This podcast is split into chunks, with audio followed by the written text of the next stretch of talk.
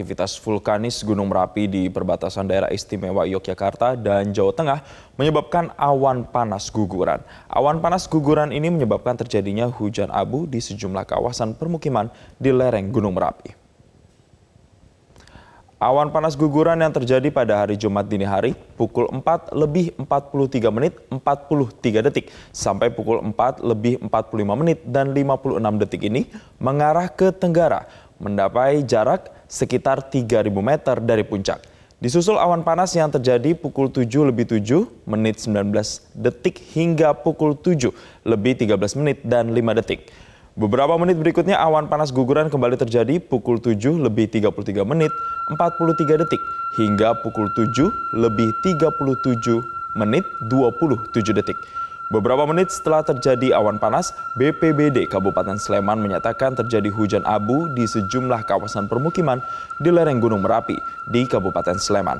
Hujan abu tersebut dilaporkan terjadi di Kali Adem, Kelurahan, Kalurahan, Kapuharjo, Ngarangkah, Kalurahan Umbul Harjo, Pelosok Kerep, Kalurahan Umbul Haro, dan Turgo, Kelurahan Purwobinang.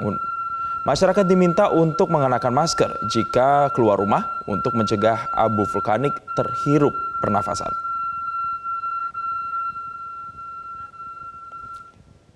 Media Group menggelar program vaksinasi gotong royong dosis kedua untuk 500 karyawan.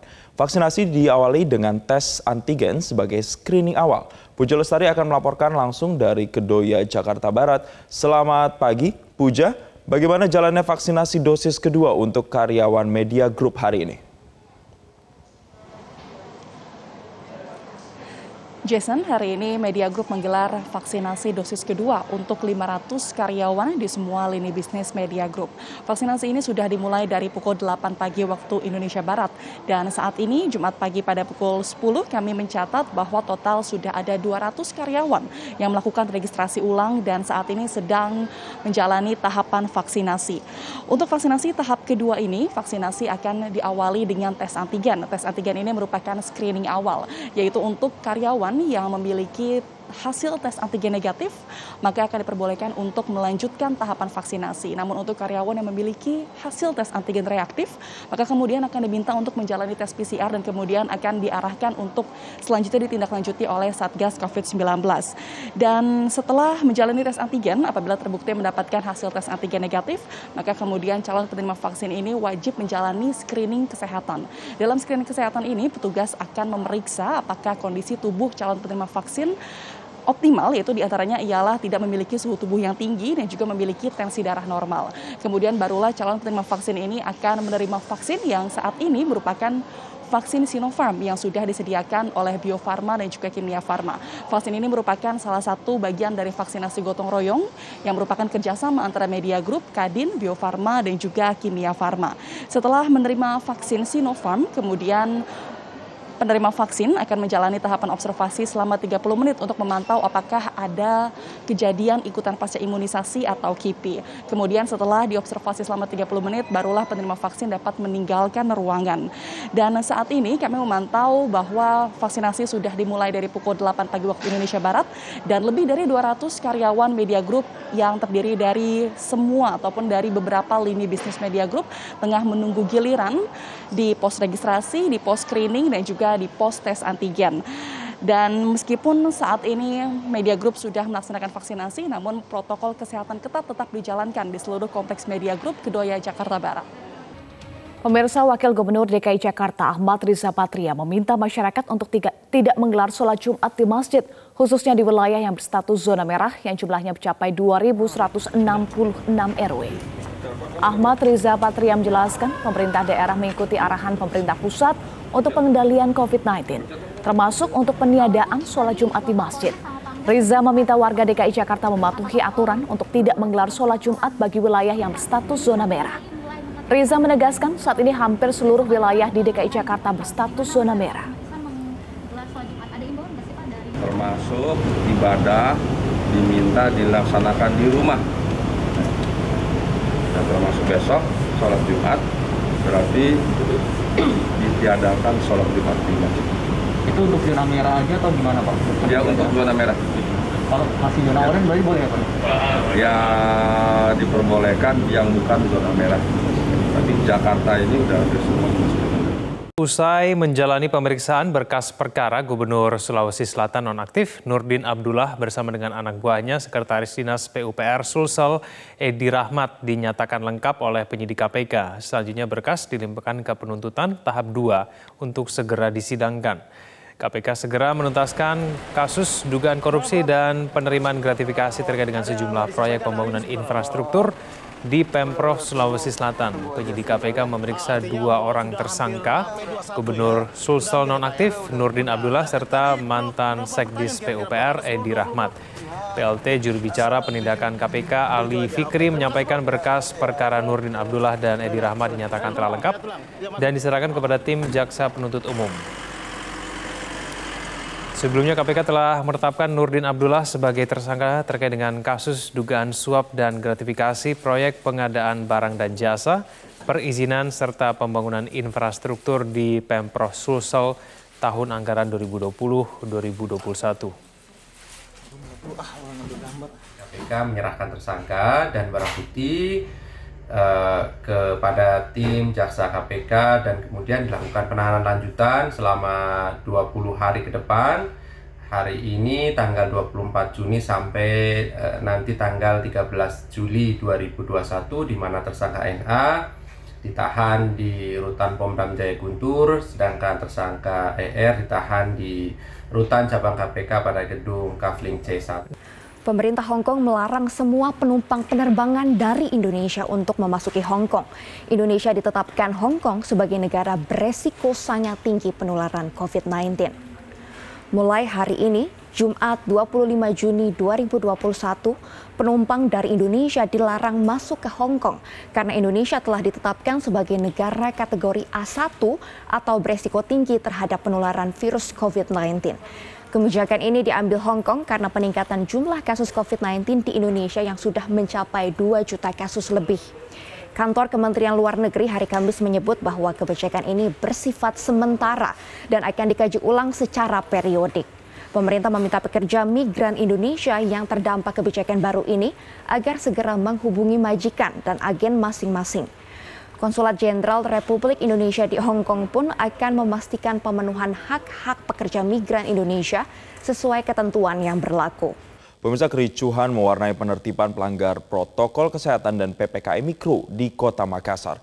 Pemilik usaha menolak ditertibkan saat ketahuan melanggar aturan jam malam dan protokol kesehatan.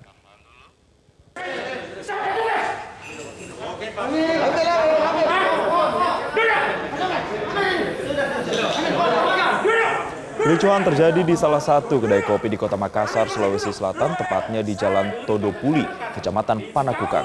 Kendati sempat diwarnai kericuhan di tengah petugas, Satgas Raika Makassar melakukan upaya penindakan terhadap pelaku usaha kedai kopi yang protes itu saat hendak dilakukan penyitaan kursi. Di kota Makassar, Sulawesi Selatan, pemberlakuan PPKM Mikro diperpanjang dari sebelumnya batas akhir tanggal 26 Juni menjadi 5 Juli 2021. Selain itu penerapan pemberlakuan jam malam di kota Makassar, Sulawesi Selatan juga dimajukan dari pukul 22 menjadi pukul 20 waktu Indonesia Tengah. Hal tersebut diberlakukan guna mencegah penyebaran virus corona yang hingga kini masih mewabah di sejumlah wilayah tanah air, tidak terkecuali di kota Makassar, Sulawesi Selatan.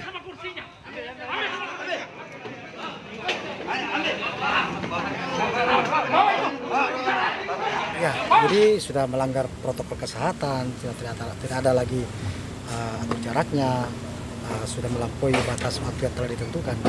Sementara itu puluhan kafe di Palangkaraya, Kalimantan Tengah terpaksa ditutup dan pengunjungnya dibubarkan Satuan Tugas Penanganan COVID-19 karena melanggar protokol kesehatan. Pengelola kafe sengaja mematikan lampu penerangan untuk mengelabui petugas. Salah satu kafe yang berada di Jalan George Obos yang kedapatan melanggar aturan jam operasional PPKM Mikro ditutup dan pengunjungnya dibubarkan Satgas Penanganan COVID-19 Kota Palangkaraya, Kalimantan Tengah. Untuk mengelabui petugas, pengelola kafe sengaja mematikan lampu penerangan agar pengunjung tidak terlihat dari luar. Di mana guna mendukung program pemerintah dan minat baca di kalangan anak-anak, Polres Bojonegoro Jawa Timur meluncurkan motor pintar anak tangguh Semeru. Peluncuran motor pintar anak tangguh Semeru ini pemirsa berlangsung di halaman Mapolres Bojonegoro Jawa Timur. Peresmian motor menyerupai perpustakaan ini dipimpin oleh Kapolres Bojonegoro AKBP Eva Guna Pandia. Motor pintar ini berbentuk perpustakaan keliling yang dilengkapi dengan buku mata pelajaran dan buku paket lainnya. Motor pintar kemudian dikendarai oleh anggota Dikmas Lantas dan Babin Kaptipnas yang setiap hari berkeliling ke kampung-kampung. Berkolaborasi dengan stakeholder terkait dengan membawa jargon Agunge Sikap Tulung Tinulung, motor pintar ini mampu menjangkau ke pelosok-pelosok desa guna memfasilitasi anak-anak agar bisa dengan mudah mendapatkan buku bacaan dan buku pelajaran dari Kabupaten ND justru nampaknya bisa dibilang agak sedikit abai terhadap Betul. menghindari kerumunan karena di tengah upaya pemerintah pusat menekan laju peningkatan kasus COVID-19 di seluruh wilayah Indonesia, Kabupaten ND Nusa Tenggara Timur justru melantik 300 lebih aparatur sipil negara. Meskipun dengan protokol kesehatan ketat, berkumpulnya ratusan orang di kantor Bupati ND tersebut menjadi perhatian. Para pejabat yang dilantik tak bisa menghindar dari kerumunan tanpa menjaga jarak. Saat dikonfirmasi mengapa tidak memilih pelantikan secara virtual, Bupati ND menjelaskan pelantikan secara tatap muka tidak melanggar prokes karena dilakukan di alam terbuka dan tidak ada sambutan dalam pelantikan ini. Satgas COVID-19 Kabupaten ND sebelumnya juga mengimbau kepada warga Kabupaten ND untuk tidak berkumpul dan berkerumun untuk mencegah penularan COVID-19. Namun justru di kantor Pemda ND, para ASN berkumpul untuk acara pelantikan. Di Kabupaten ND, pasien positif COVID-19 bahkan mencapai 130 orang dan meninggal dunia sebanyak 18 orang. Penambahan kasus positif per Kamis 24 Juni kemarin sebanyak 20.574 kasus menjadi jumlah tertinggi penambahan kasus positif harian nasional setelah pandemi mendera lebih dari satu tahun di tanah air.